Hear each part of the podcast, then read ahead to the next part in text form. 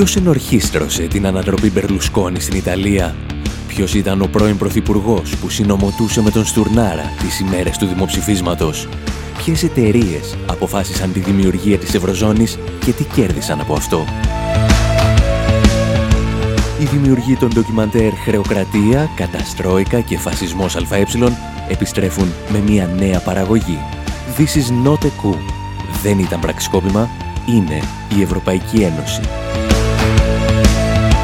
Μάθε πώς μπορείς να βοηθήσεις και εσύ την ολοκλήρωση του ντοκιμαντέρ στη διεύθυνση infowarproductions.com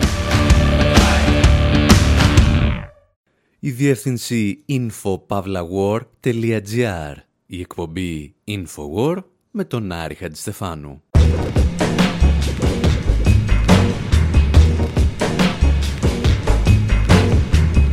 Όπου για σήμερα είπαμε να ξεκινήσουμε την πρώτη εκπομπή της χρονιάς με μια μεγάλη αποστολή σχεδόν στην άλλη άκρη του κόσμου.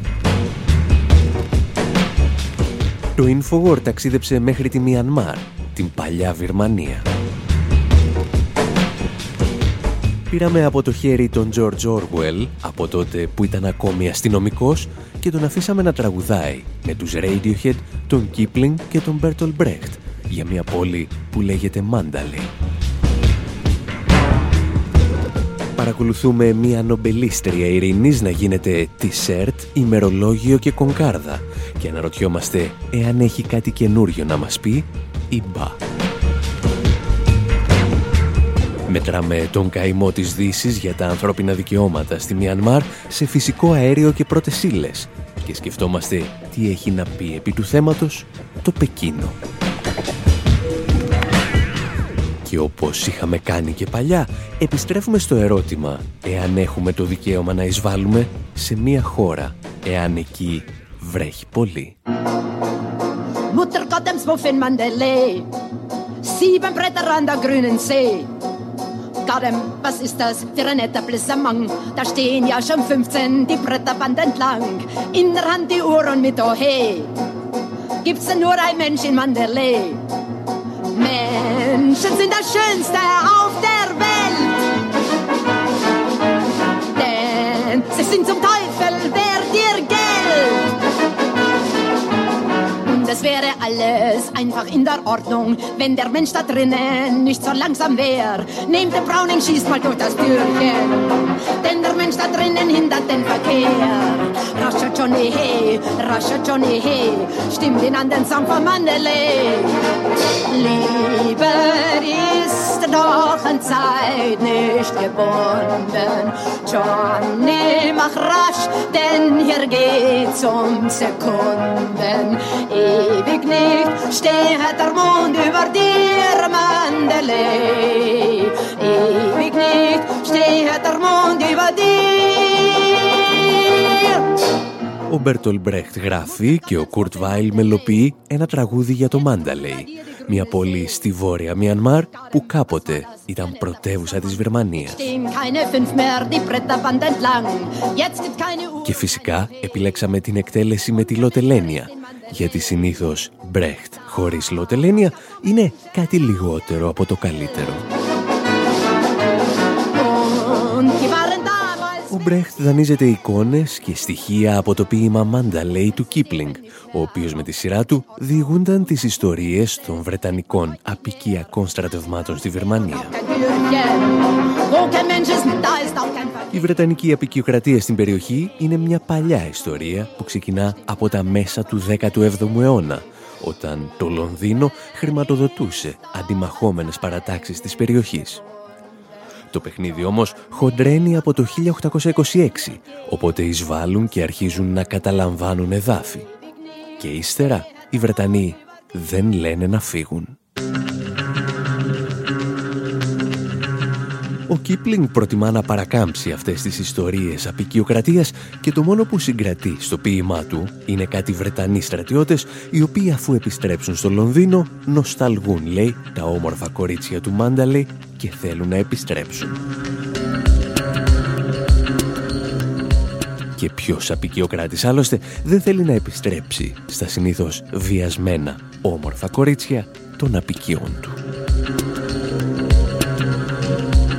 ποίημα του Κίπλιν πάντως θα γίνει διάσημο, παρά το γεγονός ότι ο ίδιος δεν πάτησε ποτέ το πόδι του στο Μάνταλεϊ. Ένα αιώνα αργότερα μάλιστα θα μελοποιηθεί και θα καταλήξει ακόμη και στα χείλη του Φρανκ Σινάτρα.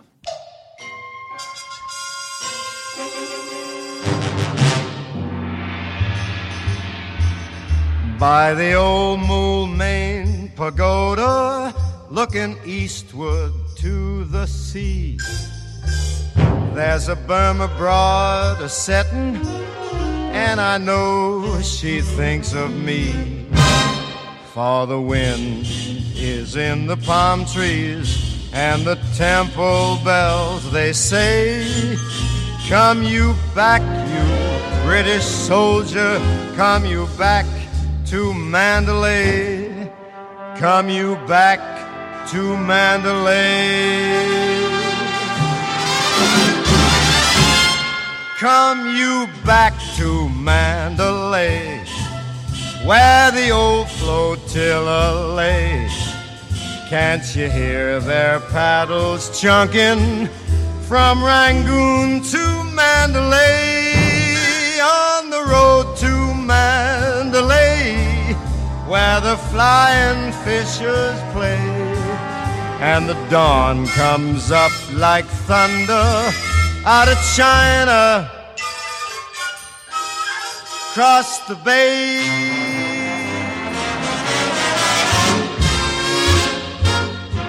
Ο Φρανκ Σινάτρα λοιπόν, που από όσο γνωρίζουμε δεν πάτησε ποτέ το πόδι του στο Μάνταλεϊ, τραγουδά το ομώνυμο ποίημα του Κίπλινγκ, που επίσης δεν πέρασε ποτέ από την πόλη και ο οποίος ενέπνευσε και τον Μπέρτολ Μπρέχτ, που έχουμε σοβαρές υποψίες ότι δεν πέρασε ποτέ από τη Βερμανία.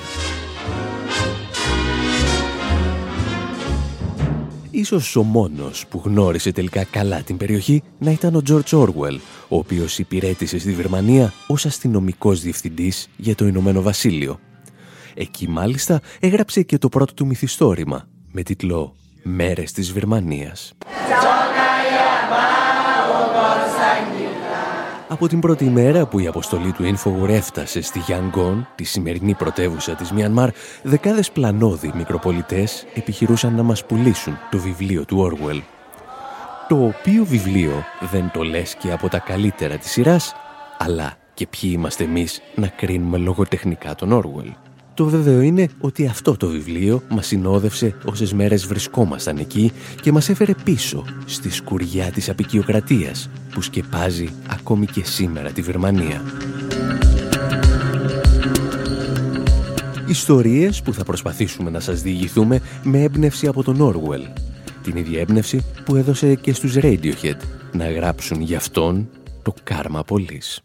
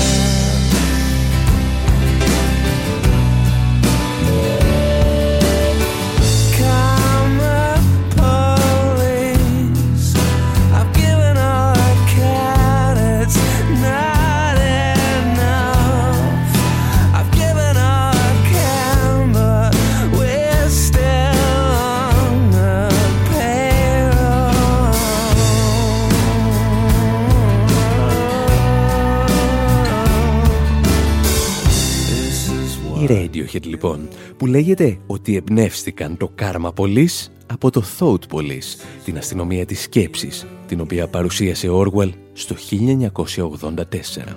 This is what you get. Και ίσως οι Radiohead, χωρίς να το γνωρίζουν και οι ίδιοι, να περιγράφουν καλύτερα από όλους τη σκέψη του Orwell, συνδυάζοντας την έννοια του κάρμα, που μας έρχεται από τις θρησκείες της Ανατολής και κυρίως το βουδισμό, με την αστυνομία, στην οποία υπηρέτησε και ο ίδιος.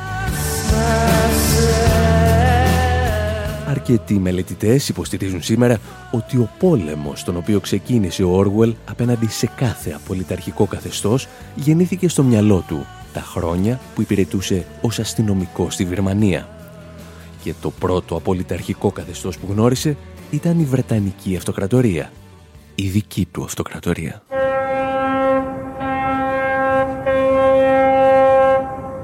There was more myth creation over Orwell's initial choice of career.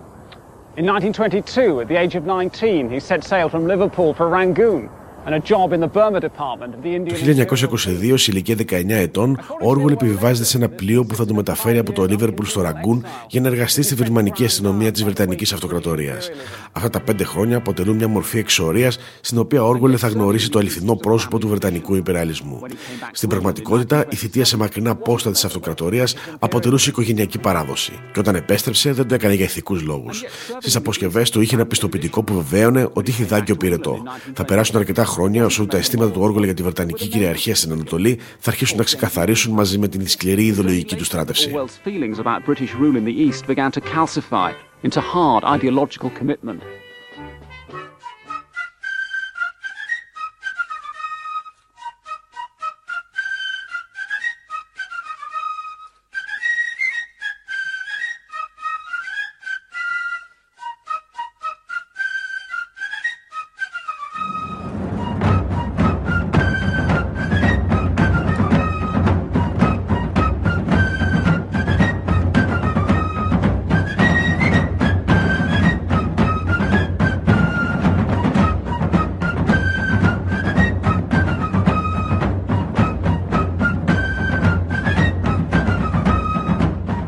Όργουελ φτάνει στη Βερμανία σαν πιστός υπηρέτης του Βρετανικού στέματος και μόνο αφού επιστρέψει στη χώρα του θα συνειδητοποιήσει το έγκλημα το οποίο ο ίδιος και η χώρα του συντελούν σε μια αυτοκρατορία στην οποία ο ήλιος δεν έδιε ποτέ. I was in the Indian police five years and by the end of that time I hated the imperialism I was serving. Υπηρέτησα στην ελληνική αστυνομία για πέντε χρόνια. Στο τέλος μισούσα τον υπεραλισμό, τον οποίο υπηρετούσα με μια πικρία, την οποία δεν μπορώ να ξεκαθαρίσω στο μυαλό μου. Στον ελεύθερο αέρα της Βρετανίας αυτό το αίσθημα δεν μπορεί να γίνει κατανοητό. Προκειμένου να μπορείς να μισείς τον υπεραλισμό πρέπει να αποτελείς κομμάτι του. In order to hate imperialism, you've got to be part of it.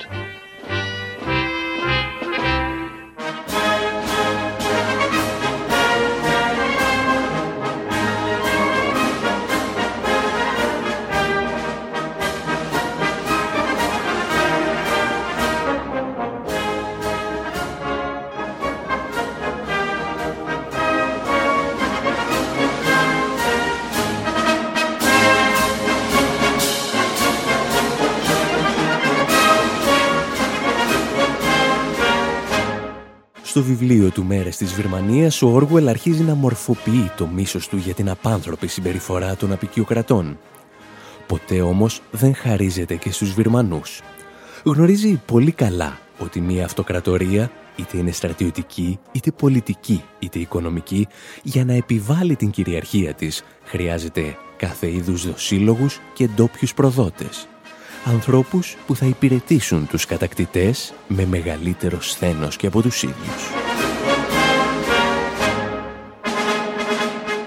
Στις αφηγήσεις του Όργουελ, οι απικιοκράτες είναι πάντα κακοί. Οι τοπικοί συνεργάτες τους όμως είναι γλιώδη υποκείμενα.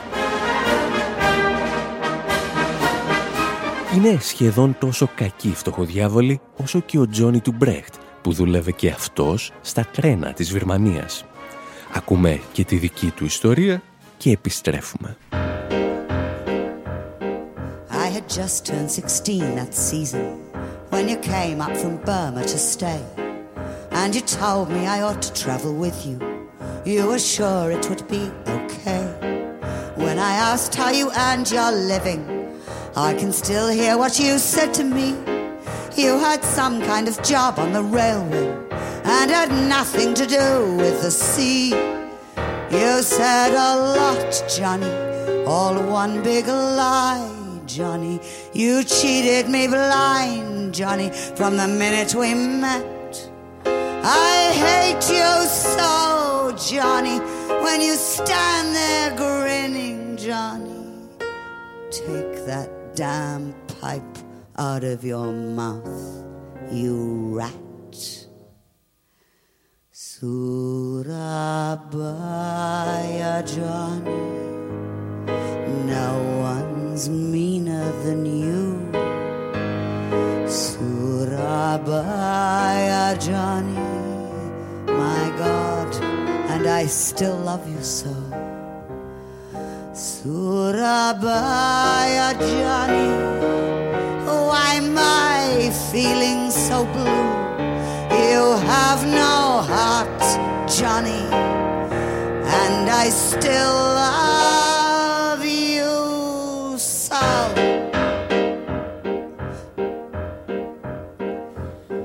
At the start, every day was Sunday, till we went on our way one fine night. And before two more weeks were over, you thought nothing I did was right. So we trekked up and down through the Punjab, from the source of the river to the sea. When I look at my face in the mirror, there's an old woman staring back at me. You didn't want love, Johnny. You wanted cash, Johnny. But I saw your lips, Johnny. And that was that. You wanted it all, Johnny. I gave you more, Johnny. Στην εκπομπή Infowar με τον Άρη Χατζηστεφάνου πραγματοποιούμε την πρώτη μεγάλη αποστολή της χρονιάς. Προορισμός η Βυρμανία, που σήμερα οι στρατηγοί της την αποκαλούν Μιανμάρ.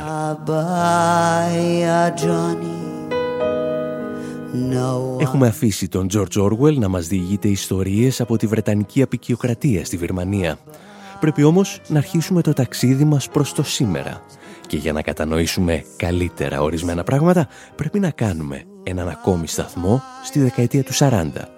Την εποχή που δημιουργείται ο εθνάρχης της Βυρμανίας, που ακούει στο όνομα Aung San. Ιστορία που διηγούνταν πριν από μερικά χρόνια στο Democracy Now! ο αναλυτής και ιστορικός Πίτερ Πόπαμ. Ίσως με λίγη μεγαλύτερη ευγένεια από ό,τι θα θέλαμε. It became a British colony rather late, much later than India. Uh, it wasn't fully brought into the British Empire until 1886. Η Βυρμανία έγινε Βρετανική απικία σχετικά αργά. Πέρασε ολοκληρωτικά στον έλεγχο της Βρετανικής Αυτοκρατορίας μόλις το 1886. Και οι κάτοικοι αντιστάθηκαν στεναρά. Οι εξεγέρσεις ήταν συνεχείς και κατά τη διάρκεια του 20ου αιώνα. Στη δεκαετία του 40 ήρθαν στη χώρα οι Ιάπωνε και αφού συνεργάστηκαν με τον Αούν Σαν, κατάφεραν να απομακρύνουν τους Βρετανούς και να επιβάλλουν τη δική τους κυριαρχία. Αρχικά ο Αούν Σαν τους έβλεπε σαν απελευθερωτές. Όταν όμως συνειδητοποίησε ότι τα πράγματα ήταν διαφορετικά, συμμάχησε και πάλι με τους Βρετανούς και έδιωξε τους Ιάπωνες αυτόν τον έξυπνο χειρισμό έγινε ισχυρότερη πολιτική προσωπικότητα στη Βρυμανία και διαπραγματεύτηκε την ανεξαρτησία της Βρυμανίας.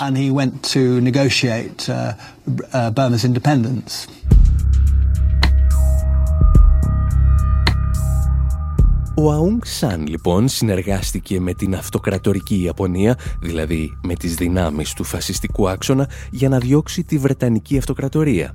Και στη συνέχεια συνεργάστηκε με τον Βρετανικό Ιμπεριαλισμό για να διώξει τους Ιάπωνες. Και ως γνωστόν, όταν έχει συνεργαστεί και με τους φασίστες και με τους Ιμπεριαλιστές, είσαι συνήθως έτοιμος να πάρεις τον τίτλο του Εθνάρχη. Η Βρετανική απεικιοκρατία πάντως θα τερματιστεί. Όχι βέβαια χάρη στις μηχανογραφίες του Αονγκ Σαν, αλλά χάρη στην οικονομική χρεοκοπία που φέρνει στο Ηνωμένο Βασίλειο ο δεύτερος παγκόσμιος πόλεμος. Γιατί όταν είσαι χρεοκοπημένος, το τελευταίο πράγμα που χρειάζεσαι είναι μια απικία με κατοίκους που εξεγείρονται συχνά εναντίον σου.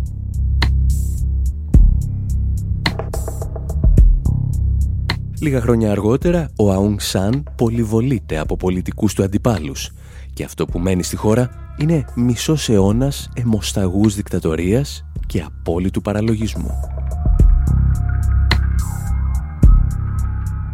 Εσείς πάλι μένετε εδώ, γιατί ύστερα από ένα μικρό διάλειμμα συζητάμε για την κόρη του Αung Σαν, η οποία έγινε μπλουζάκι, κονκάρδα και ημερολόγιο και παρεπιπτόντος κέρδισε και ένα Νόμπελ Ειρήνης. Εμείς σας αφήνουμε προς το παρόν με ένα ελάχιστα σχετικό τραγούδι από το συγκρότημα Mission of Burma, διπλωματική αποστολή της Βυρμανίας. Ένα συγκρότημα που πήρε λέει το όνομά του μια μέρα που πέρασε έξω από το προξενείο της Βυρμανίας και τους άρεσε.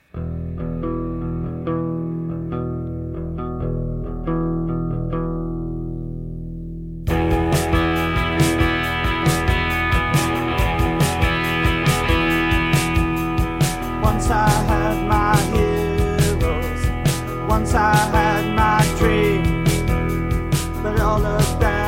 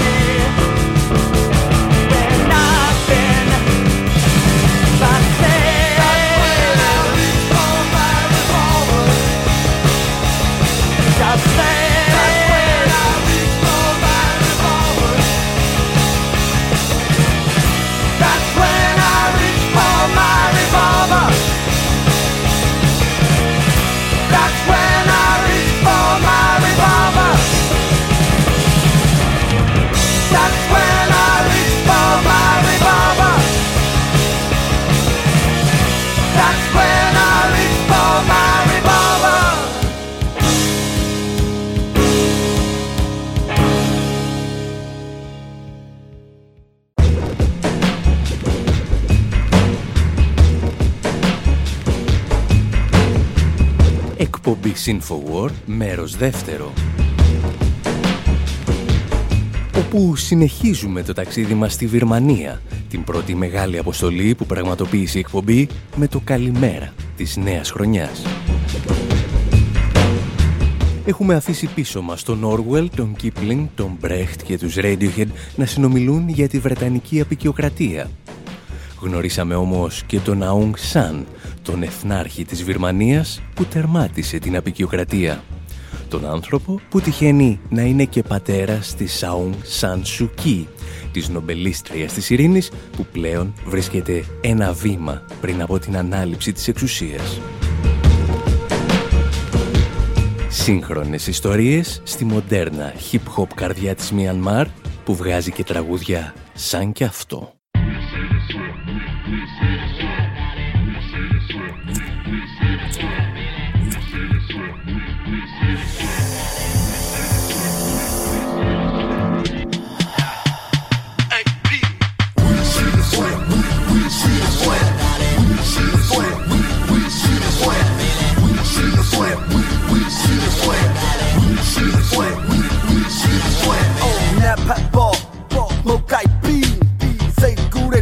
သွားတဲ့မျက်နှာတက်တကြောအော်လက်ဆက်တော့နတ်သက်တို့နဲ့သူမျောချက်ကမတ်တက်ကောပတ်လက်ကောဆက်လက်မျောကျွေးပုံပေါ်မှာတနေ့ကုန်ကောတာဘီယိုပီကိုက်ပြီးဒီလိုပြီးရွှတ်ရှီဆိုရှီလိုက်ခွီဆိုခွီလိုက်စနေတော့ပြင်းဒီကြမှာရချီကိုက်နိုင်ပါတယ်ဆိုတဲ့ပြထိုင်ချက်တွေထုံတဲ့ဘဲတွေခေါ်လာမုတ်တိုက်မလို့ခေါ်ရမလားမုတ်တော့ချင်းဒီကြမှာရမထီခိုက်တောက်ဘူးတဲ့လူတိုင်းသိတယ်အနောက်နိုင်ငံတွေကတွေအရှေ့ဘက်ဒူဘိုက်ထိတယ်ကြုံရတဲ့လို့စတဲ့ယူကောက်ကြည့်လဲကောက်ကြည့် မပြေမတရားဝင်သုံးဝင်ရဖို့တခါတခါဆူတောင်းမိတယ်ကဘာကျော်တွေတောက်တဲ့မုတ်ကဘာကျော်စင်ကိုရောက်တဲ့မုတ်ကဘာကျော်တွေခိုက်တဲ့မုတ်ကဘာကျော်စင်ကိုလိုက်ခဲ့အောင်ကဘာကျော်တွေကြိုက်တဲ့မုတ်ကြိုက်တဲ့မုတ်စံမတိုက်ဘူးဒီကမတိုက်ဘူးငါမွေးလေးမတိုက်မဲ့မုတ်ရှိတဲ့ဆိုရမုတ်ဝီစီ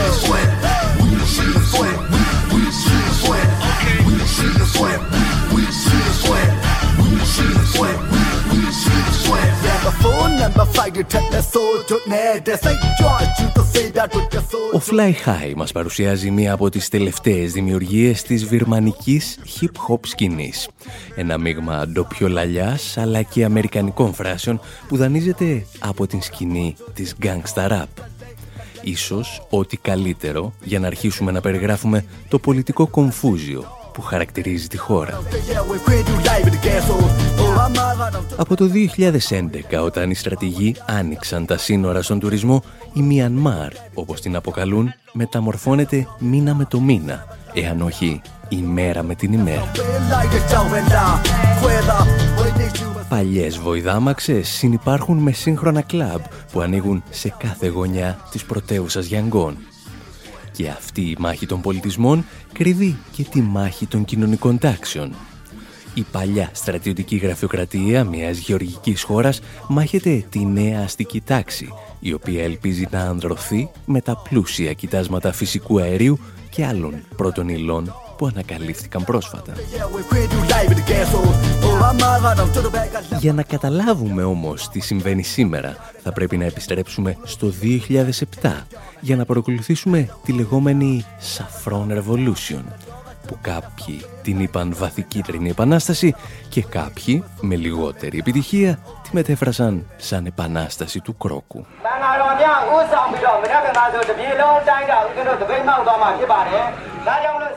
24 Σεπτεμβρίου του 2007 στην πρωτεύουσα της Μιανμάρ. Μια θάλασσα κοκκινοντημένων βουδιστών κατεβαίνει στους θρόνους.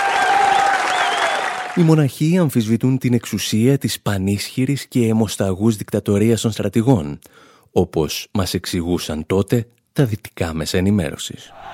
It's a red tide and it's edging toward revolution. Μια κόκκινη παλήρια οδεύει προς την Επανάσταση. Παρόμοιες εκδηλώσεις είχαν να σημειωθούν στη χώρα εδώ και 20 χρόνια. Οι μοναχοί βρέθηκαν επικεφαλής πορείας 100.000 ατόμων ενάντια σε ένα από τα πιο καταπιαστικά καθεστώτα στον κόσμο. Οι μοναχοί ψήφισαν τους στρατιωτικούς και εξέφρασαν τη θέληση 50 εκατομμυρίων ανθρώπων που είδαν τη χώρα τους να μετατρέπεται σε μία από τις φτωχότερες περιοχές του πλανήτη. Οι διαδηλώσεις ξεκίνησαν με αφορμή της αυξή στην τιμή των καυσίμων και γρήγορα κλιμακώθηκαν over fuel prices, but they've escalated. σε παρόμοιες περιπτώσεις, εμείς, οι δημοσιογράφοι των δυτικών μέσων ενημέρωσης, θέτουμε συνήθως ένα κέριο ερώτημα, το οποίο συνοψίζεται σε τρεις λέξεις. Ε και λοιπόν...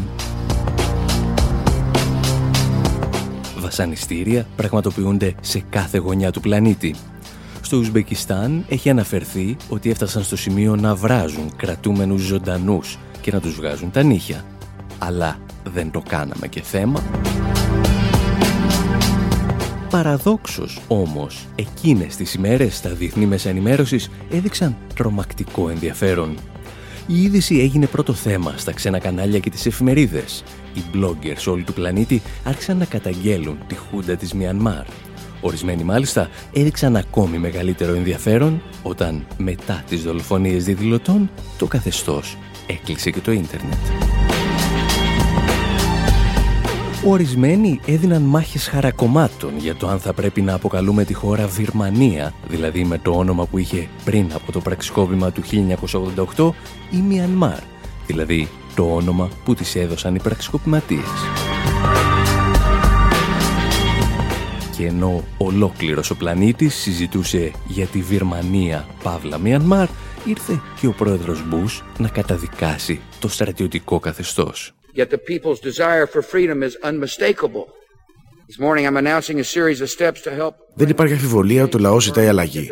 Σήμερα το πρωί ανακοίνωσα σειρά μέτρων που στόχο έχουν να φέρουν την ελληνική αλλαγή στη Γερμανία. Οι Ηνωμένες Πολιτείες θα ενισχύσουν τον οικονομικό αποκλεισμό στους ηγέτες του καθεστώτος και όσου τους στηρίζουν οικονομικά.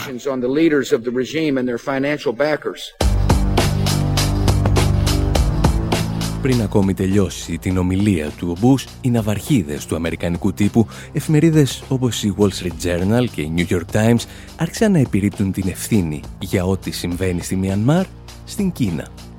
Και ως ένα βαθμό είχαν δίκιο. Το Πεκίνο ήταν απόλυτα ευχαριστημένο με τη σταθερότητα που προσέφερε στην περιοχή η Χούντα της Μιανμάρ η Κίνα, μέσα από τα λιμάνια της χώρας, εξασφάλιζε πρόσβαση στον Ινδικό ωκεανό. Η κινέζικη βιομηχανία όπλων είχε πουλήσει στους Βερμανούς δικτάτορες οπλικά συστήματα αξίας 2 δισεκατομμυρίων δολαρίων. Και επίσης διέθετε εκεί ένα ηλεκτρονικό παρατηρητήριο με το οποίο θα μπορούσε ίσως να παρακολουθεί την Ινδία. Και το σημαντικότερο όλων, σχεδίαζε από τότε την κατασκευή δύο αγωγών φυσικού αερίου που θα επέτρεπαν στο Πεκίνο να παρακάμπτει θαλάσσια περάσματα που ελέγχονται από τον Αμερικανικό στόλο. Η Μιανμάρ λοιπόν καταπατούσε βάναυσα τα ανθρώπινα δικαιώματα αλλά δεν το έκανε για εμάς τους δυτικούς όπως το κάνει λόγου χάρη η Σαουδική Αραβία. Το έκανε για λογαριασμό του Πεκίνου και αυτό δεν μπορούσαμε να το ανεχθούμε. Αυτό που κανένας δεν ήθελε να θυμάται βέβαια στα χρονιά της ειρηνικής επανάστασης των βουδιστών μοναχών ήταν ότι παλαιότερα ήταν η Δύση και όχι η Κίνα η οποία στήριζε το καθεστώς των στρατηγών. Ιστορία που μας πηγαίνει ακόμη πιο πίσω στη δεκαετία του 50 και στον αγαπημένο μας ύμνο της Κινέζικης Επανάστασης.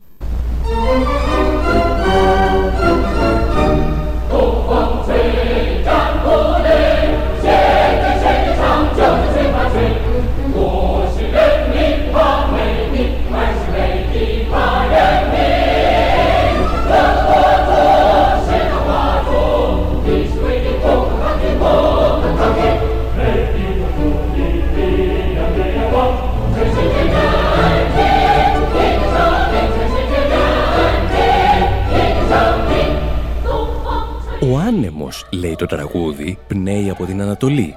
Ηχούν τα τύμπανα του πολέμου. Ο λαός δεν φοβάται τον Αμερικανικό υπεριαλισμό. Ο Αμερικανικός υπεριαλισμός να φοβάται το λαό. Εκείνη την περίοδο, ο Μαό πραγματοποιεί τις σημαντικότερες ιδεολογικές επιθέσεις εναντίον της Ιαπωνίας και των Ηνωμένων Πολιτειών. Και οι τελευταίες, όπως μας θύμιζε παλαιότερα και ο Νόαμ Τσόμσκι, κάνουν ό,τι μπορούν για να περιορίσουν την επιρροή του Πεκίνου. Ένα από τα μέσα που χρησιμοποιούν είναι να χρηματοδοτούν Κινέζους αντικαθεστωτικούς στη Βόρεια Βυρμανία. είναι η αρχή ενός ψυχρού πολέμου της Κίνας και των Ηνωμένων Πολιτειών που πραγματοποιείται σε βάρος αυτής της φτωχής αλλά τεράστιας χώρας. Στα χρόνια που θα ακολουθήσουν, η ηγεσία της Βυρμανίας θα στραφεί τελικά προς ένα μείγμα βουδισμού και σοσιαλισμού. Πρόκειται και τότε για μια δικτατορία όπως και σήμερα. Μια δικτατορία που αγνοεί επιδεικτικά τη Δύση. Έως ότου, το 1988, έρχεται η ανατροπή. Νέοι δικτάτορες έρχονται στην εξουσία και στρέφονται ανοιχτά προς την οικονομία της αγοράς. Από το σοσιαλβουδισμό η χώρα περνάει στον αγνό παρθένο καπιταλισμό. Παρεπιπτόντος, το καθεστώς σκοτώνει τότε και 3.000 πολίτες που ζητούσαν ελευθερία και δικαιοσύνη. Αλλά αυτοί δεν απασχόλησαν ποτέ την Δύση. Η Βυρμανία ήταν πλέον σύμμαχός μας. Πολυεθνικές από την Ευρώπη και τις Ηνωμένες Πολιτείες αρχίζουν να δείχνουν ενδιαφέρον για αυτή τη ξεχασμένη χώρα. Πρώτη φτάνει η γνωστή μας Χαλιμπάρτον που κατασκευάζει έναν αγωγό φυσικού αερίου. Πρόεδρος της Χαλιμπάρτον ήταν τότε κάποιος κύριος Dick Cheney, μετέπειτα αντιπρόεδρος των Ηνωμένων Πολιτειών. Αμερικανικό δικαστήριο θα αποδείξει μερικά χρόνια αργότερα ότι η εταιρεία του Dick Cheney χρησιμοποιούσε Βιρμανούς σκλάβους για να κατασκευάσει τον αγωγό και ύστερα ήρθε η γαλλική Total και κυρίως η αμερικανική Unocal. Το τι ακριβώς έκανε η τελευταία στη χώρα είχε εξηγήσει πριν από μερικά χρόνια η Catherine Redford από την οργάνωση Earth Rights. To people who were fleeing from Burma, fleeing from the ο λαός της Βυρμανίας προσπαθούσε να ξεφύγει από την καταπιεστική στρατιωτική δικτατορία, η οποία χρησιμοποιούσε εργάτες σαν σκλάβους και πραγματοποιούσε βασανιστήρια και βιασμούς.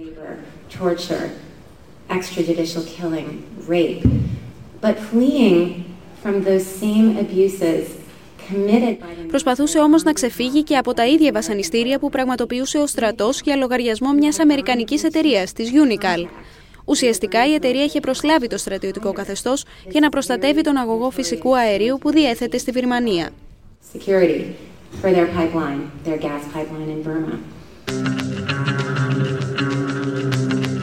Για την ιστορία να θυμίσουμε ότι η UNOCAL είχε εκείνη την εποχή ορισμένους πολύ σημαντικούς συμβούλους. Ένας ήταν ο Ζαλμάι Χαλιζάτ, Εάν θυμάστε, ήταν ο άνθρωπος που εξόπλιζε υποστηρικτές του Οσάμα Μπιν στο Αφγανιστάν εναντίον της Σοβιετικής κατοχής. Αργότερα τον είδαμε πρέσβη των Ηνωμένων Πολιτειών στο Ιράκ και αργότερα και στον ΟΗΕ. Στην ίδια εταιρεία όμως εργαζόταν και ο Αφγανός ηγέτης Χαμίντ Καρζάη. Επίσης συνεργαζόταν ο Αμερικανός πρώην Υπουργός Εξωτερικών James Baker και κάποιος Χένερ Κίσιγκερ. Εταιρείες λοιπόν όπως η Unocal, η Halliburton και η γαλλική Total έκαναν χρυσές δουλειές στην πρώην Βυρμανία. Η δολοφονία 3.000 διαδηλωτών και η ακύρωση των εκλογών δεν μας ενοχλούσαν πλέον.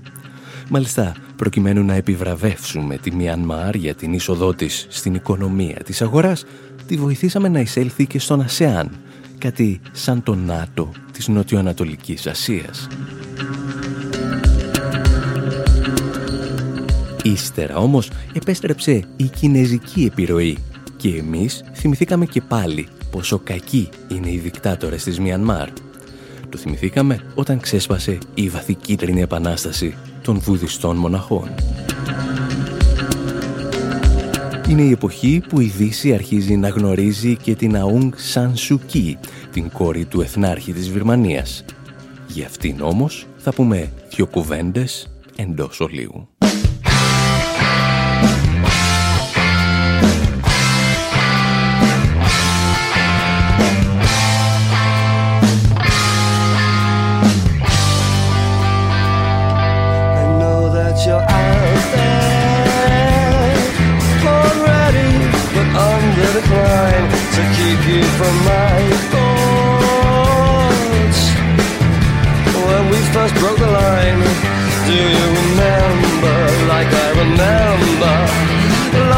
Of excellence, the glory of the crowd, flag of imperialists, leave me with aching wrists. So no wonder you frown when you're two world wars down. So when the dark times come, well, I will sing you a good time song. Not pretending that it's ending, but it kills me to act so strong. It's just a gaze on your eyes makes all the difference to me. Just be ready, my angel. Be ready when I call. I've been rereading letters. They were moving, warm but bitter, and I cried right through them all. The days go so slow.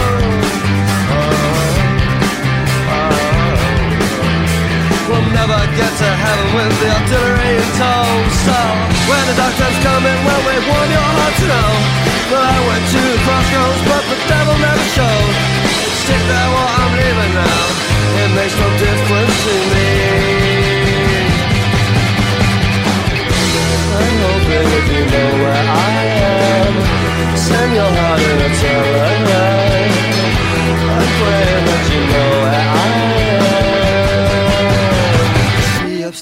Στην εκπομπή Infowar με τον Άρη Χατζηστεφάνου μόλις επιστρέψαμε από τη Βυρμανία, γνωστή πλέον και ως Μιανμάρ.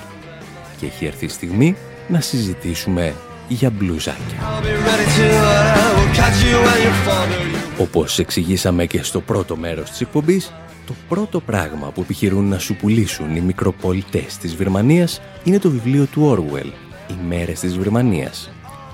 Το δεύτερο πράγμα που προσπαθούν να σου πουλήσουν είναι η εικόνα της νομπελίστριας Αούν Σανσουκί, η οποία κυκλοφορεί σε ημερολόγια, μπλουζάκια, τσάντες, κονκάρδες και αυτοκόλλητα. Κάτι σαν το εμπόριο αναμνηστικών του Τσέγκεβάρα. Το πρόβλημα όμως, όπως έχουμε εξηγήσει και στο παρελθόν, είναι ότι συνήθως σε κάνουν μπλουζάκι όταν πλέον έχεις πάψει να αποτελείς κίνδυνο για το κυρίαρχο σύστημα. Και η αλήθεια είναι ότι έχουν αλλάξει πολλά από τότε που η Αούν Σαν Σουκί έμενε για δεκαετίες υπό κατοίκον περιορισμό καθώς προκαλούσε τρόμο στο καθεστώς της Βυρμανίας.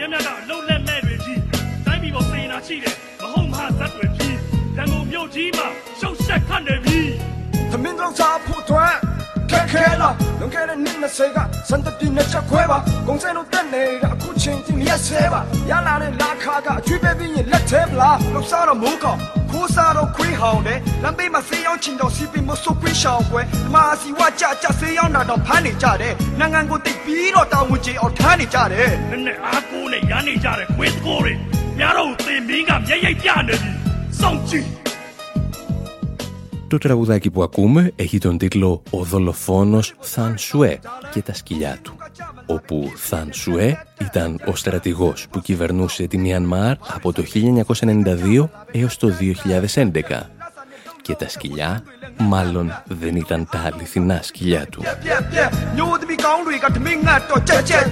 Λίγα χρόνια πριν το να ακούς το συγκεκριμένο τραγούδι στη Μιανμάρ μπορεί να σήμαινε την εκτέλεσή σου Σήμερα ενδέχεται να τη γλιτώσεις με μερικά μόνο βασανιστήρια. Γιατί ο στρατηγός Θαν Σουέ μπορεί να αποχώρησε από την εξουσία, δεν συνέβη όμως το ίδιο και με τα σκυλιά. Οι στρατηγοί επέτρεψαν τη διενέργεια εκλογών, στις οποίες το κόμμα της Αούν Σανσουκί θριάμβευσε με το 83% των ψήφων το καθεστώς όμως κράτησε κάβα τρία υπουργεία τα οποία θα ελέγχονται απευθείας από το στρατό. Κράτησε επίσης και το 25% των εδρών στο κοινοβούλιο, γεγονός που σημαίνει ότι μπορεί να ασκεί βέτο σε οποιαδήποτε απόφαση της κυβέρνησης. Η Αούγκ Σανσουκί παίζει πλέον το παιχνίδι του πατέρα της, επιχειρώντας να ισορροπήσει ανάμεσα στην Κίνα και τις Ηνωμένες Πολιτείες, αλλά κυρίως ανάμεσα στην παλαιά γραφειοκρατία και τη νέα αστική τάξη που δημιουργείται στη Μιανμάρ. Αν φλερτάρει λίγο περισσότερο με το Πεκίνο, θα το μάθετε. Θα αρχίσετε να διαβάζετε επικριτικά σχόλια για αυτήν στις ναυαρχίδες του Αμερικανικού τύπου. ခင်ဗျပူတိုးတက်တဲ့ တဲ့နိုင်ငံတော်တစ်တို့အတွက်ဖြောင်းနဲ့ကန်လို့ချီတက်မဲ့ချိန်တိုင်းလို့လို့ပြီးပြတ်ဦးတဲ့တဲ့မြန်မာနိုင်ငံမှာစေယုံတွေကဆင်းမရှိဘူးစေရှိလည်းပိတ်ဆံရှိလို့ဘယ်သူမှအိမ်မမိဘူးအိမ်မိလည်းအော်တမနဲ့ကုန်းရ Εμείς πάλι με όλες αυτές τις ιστορίες λέμε να σας αφήσουμε και για αυτή την εβδομάδα. Θα σας πούμε περισσότερα για τη Μιανμάρ σε ένα μεγάλο αφιέρωμα που ετοιμάζουμε για την εφημερίδα των συντακτών. Πριν σας αφήσουμε όμως, έχουμε και μία μικρή έκπληξη.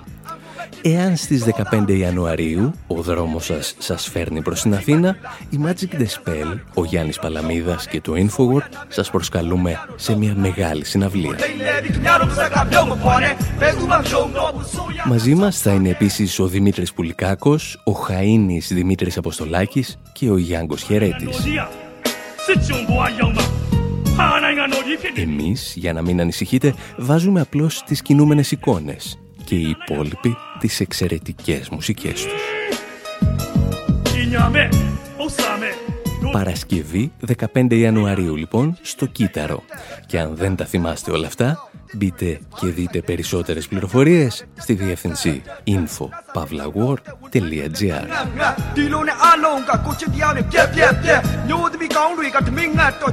Μέχρι την επόμενη εβδομάδα λοιπόν, από τον Άρχα Στεφάνου στο μικρόφωνο και τον Δημήτρη Σταθόπουλο στην τεχνική επιμέλεια, γεια σας και χαρά σας.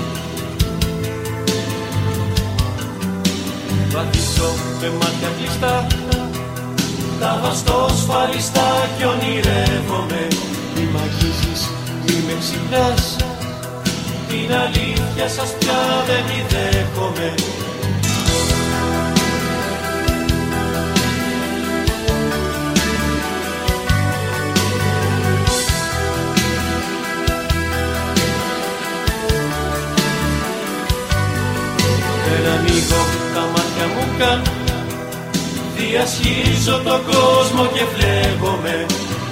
Αν αγαπάς μη μιλάς Άλλα ψέματα δεν τα ανέχομαι.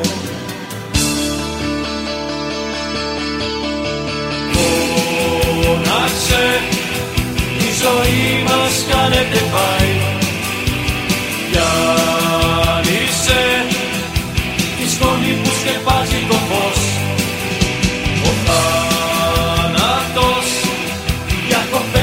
Σαράγεβο πάει